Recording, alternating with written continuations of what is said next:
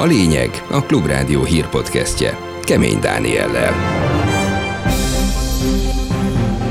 Elkezdődött a hét napig tartó országos pedagógus sztrájk. A tiltakozás utolsó napjára nem csak a tanárok, hanem más szakmák képviselői is szolidaritási megmozdulásokkal készülnek. Nagyon-nagyon sok helyen országszerte készülnek a 31 kiemelt napra, ami a szolidaritás napja. Megkezdte a közös munka előkészítését a legfőbb ügyészség és az integritás hatóság.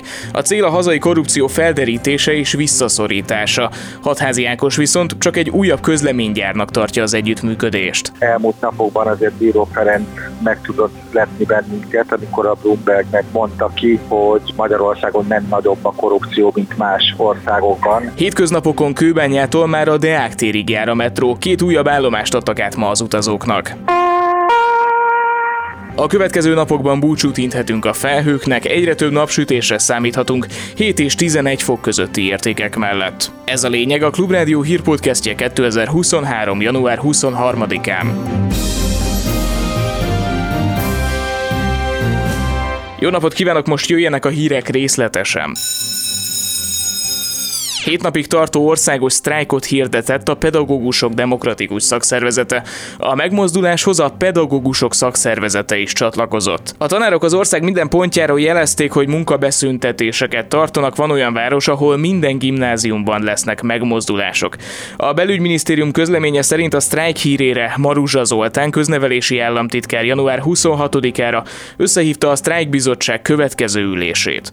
Nagy Erzsébet a PDS országos választmányának tagja a klub Klubrádióban azt mondta, tapasztalják, hogy az iskolák vezetői a legkülönfélébb módszerekkel próbálják ellehetetleníteni a tanárok akcióját. Törvény írja elő, hogy a tanulók óraszámának 50%-át kell teljesíteni.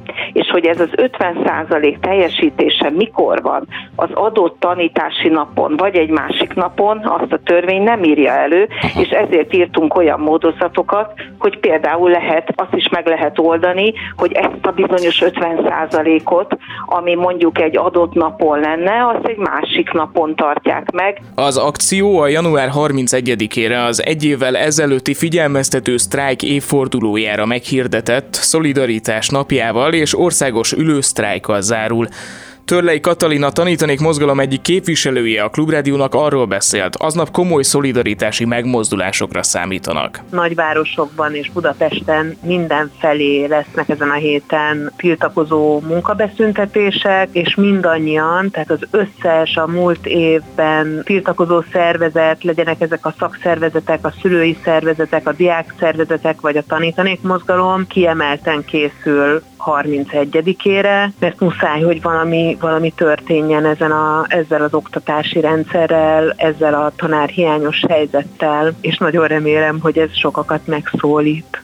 A megmozdulás egyébként a jelek szerint nem nevezhető egységesnek. A Brassó utcai általános iskola tanárai például úgy látják, nincs sok értelme a sztrájknak, mert nem kezdődtek el a tárgyalások a követeléseikről, és esély sem látszik arra, hogy a normális oktatási rendszert, a törvényességet tiszteletben tartaná a kormány. Azt is hozzáteszik, hogy idézem, nem vagyunk hajlandók a kormány, a miniszterelnök, az oktatásért felelős miniszter, a tankerületi igazgató rendeletben meghozott engedélye szerint tiltakozni серьезные. Мульти-мульти-мульти-мульти-мульти-пули. Мульти-мульти-мульти-мульти-мульти-обули. Megkezdte a közös munka előkészítését a legfőbb ügyészség és az integritás hatóság. A cél, hogy a két szervezet összehangolt munkájával a jövőben visszaszorítsák és felderítsék a különböző korrupciós ügyleteket Magyarországon. A találkozón Polt Péter legfőbb ügyész, valamint az integritás hatóság elnöke Bíró Ferenc vett részt. A felek, mint az a közleményükből kiderült, megállapították, hogy találkozójuk, idézem, eredményes volt. Hatházi Ákos független parlamenti képviselő szerint viszont eredményekről alig ha lehet beszélni. A politikus a Klubrádiónak arról beszélt, az együttműködés csupán egy újabb közleménygyár létrehozásáról szól. Ez a közlemény, ez pont olyan, mint amilyenre számítottunk, pont olyan közleményt adtak ki, amire számítani lehetett, ilyen közleményeket fog kiadni, tulajdonképpen az integritás hatóság egy ilyen közleménygyár lesz, elmúlt napokban azért Bíró Ferenc meg tudott lepni bennünket, amikor a Bloombergnek adott interjúban arról beszélt, hogy Magyarországon nem az Orbán rendszer a korrupt, hanem az emberek a korruptak, és azt mondta ki, hogy Magyarországon nem nagyobb a korrupció, mint más országokban. Ezután a nyilatkozat után már bármilyen közleményt írnak, az már nem lesz meglepő. Országos népszavazási kérdést nyújtott be az LNP az akkumulátorgyárak ellen. Jelentette be a Parlament Fentartható Fejlődés Bizottságának lnp elnöke egy mai sajtótájékoztatón. Keresztes László Lórent arról is beszámolt, hogy tüntetés szerveznek Debrecenbe, ahol szintén akkumulátorgyárat akarnak létrehozni. A debreceni polgármester azt nyilatkozta, hogy a gyárat akkor is megépítik, ha azt a helyiek nem támogatják. Ezt mondta Keresztes László Lórent, aki szerint ez elfogadhatatlan, mert egyetlen polgármester sem fordulhat szembe saját városával. És ez a kérdés ez így szól. Egyetérte azzal, hogy akkumulátor gyártására szolgáló üzemet csak akkor lehessen létesíteni egy településen, ha azt az ott lakó választópolgárok helyi népszavazás útján kifejezett döntésükkel támogatják. És nagyon bízunk benne, hogy mielőbb arról számolhatunk be, hogy ez a kérdés érvényes lesz, és ez a kérdés megkapja lehetőséget, hogy összegyűjtsük a népszavazásra szükséges választópolgároknak az aláírását. És annak érdekében, hogy az emberek el tudják mondani a véleményüket, egy tüntetést szervezünk. Február 9-én pénteken csütörtökön 6 órai kezdett el ez Debrecenben. Az emberek pénzért mindenre képesek. Tudnod kell csendben maradni, hallgatni, és időben lépni.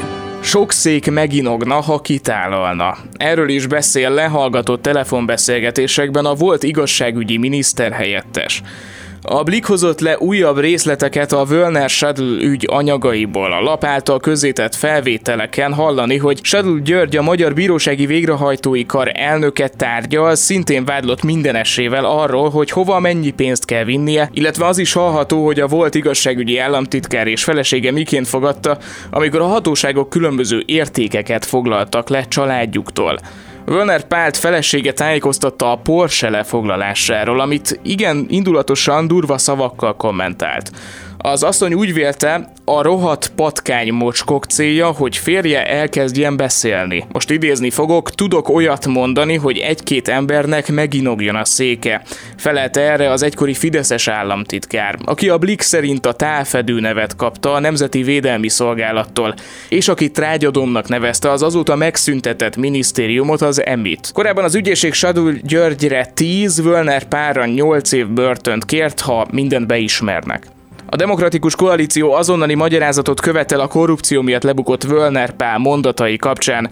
Sebián Petrovski László szerint ez az egyértelmű beismerése annak, hogy a szálak felfelé vezethetnek. Így véli legalábbis a DK pártigazgatója, majd hozzátette, írásbeli kérdés nyújtott be Varga Juditnak, hogy rágondolhatott-e Völner Pál. Kikre gondolt Völner, kiknek ingott volna már meg a széke, hogyha beszél, és hogy végül miért nem tette ezt. A demokratikus koalíció azonnali magyarázatot követel a kormánytól az ügyben. Varga Judit igazságügyi miniszterre, közvetlen fölnökére gondolhatott Völner Pál, amikor arról beszélt, hogy tudna olyat mondani, amitől egy-két embernek meginogna a széke? Azt is tudni akarjuk, hogy mivel sikerült elhallgattatni a felvétel idején még kitálalni tervező államtitkárt. Egy ilyen súlyos ügyben az országnak joga van tudni, kik lehetnek még érintettek a kormányból, kik tudhattak a korrupcióról, és meddig vezetnek a szálak szíveskedjenek vigyázni, az ajtók záródnak. Hétfő délelőtt átadták a budapesti M3-as metró újabb két állomását a Ferenciek tere és a Deák tér megállókat, így délutántól hétköznapokon Kőbányától már egészen a Deák térig jár a metró. Bolla Tibor a BKV vezérigazgatója a Klubrádiónak azt mondta, a mostani átadásokkal célegyenesbe ért a legnagyobb utasforgalmat bonyolító M3 2017 óta tartó felújítása. A tervek szerint idén májusra teljes vonalat használhatják majd az utasok. Már csak négy állomás felújítása lesz hátra, március másik felében át fogunk adni további két állomás, és akkor lesz már a felszíni buszpót megállások megszüntetve, és ott már tulajdonképpen a teljes vonalon fog járni a metró, csak lesz olyan két állomás, amelyen még nem áll meg, mert ott még felújítási munkák lesznek, és a teljes kivitelezés befejezése pedig 2023 májusára várható. Végül az időjárásról mondhatni felhőtlen hangulat uralkodik el rajtunk a következő napokban. Kedden ugyanis az ország nagy részén a délnyugati területeket leszámítva elkezd felszakadozni a felhőzet, helyét pedig átveszi a napsütés és a 7 és 11 fok közötti csúcsértékek.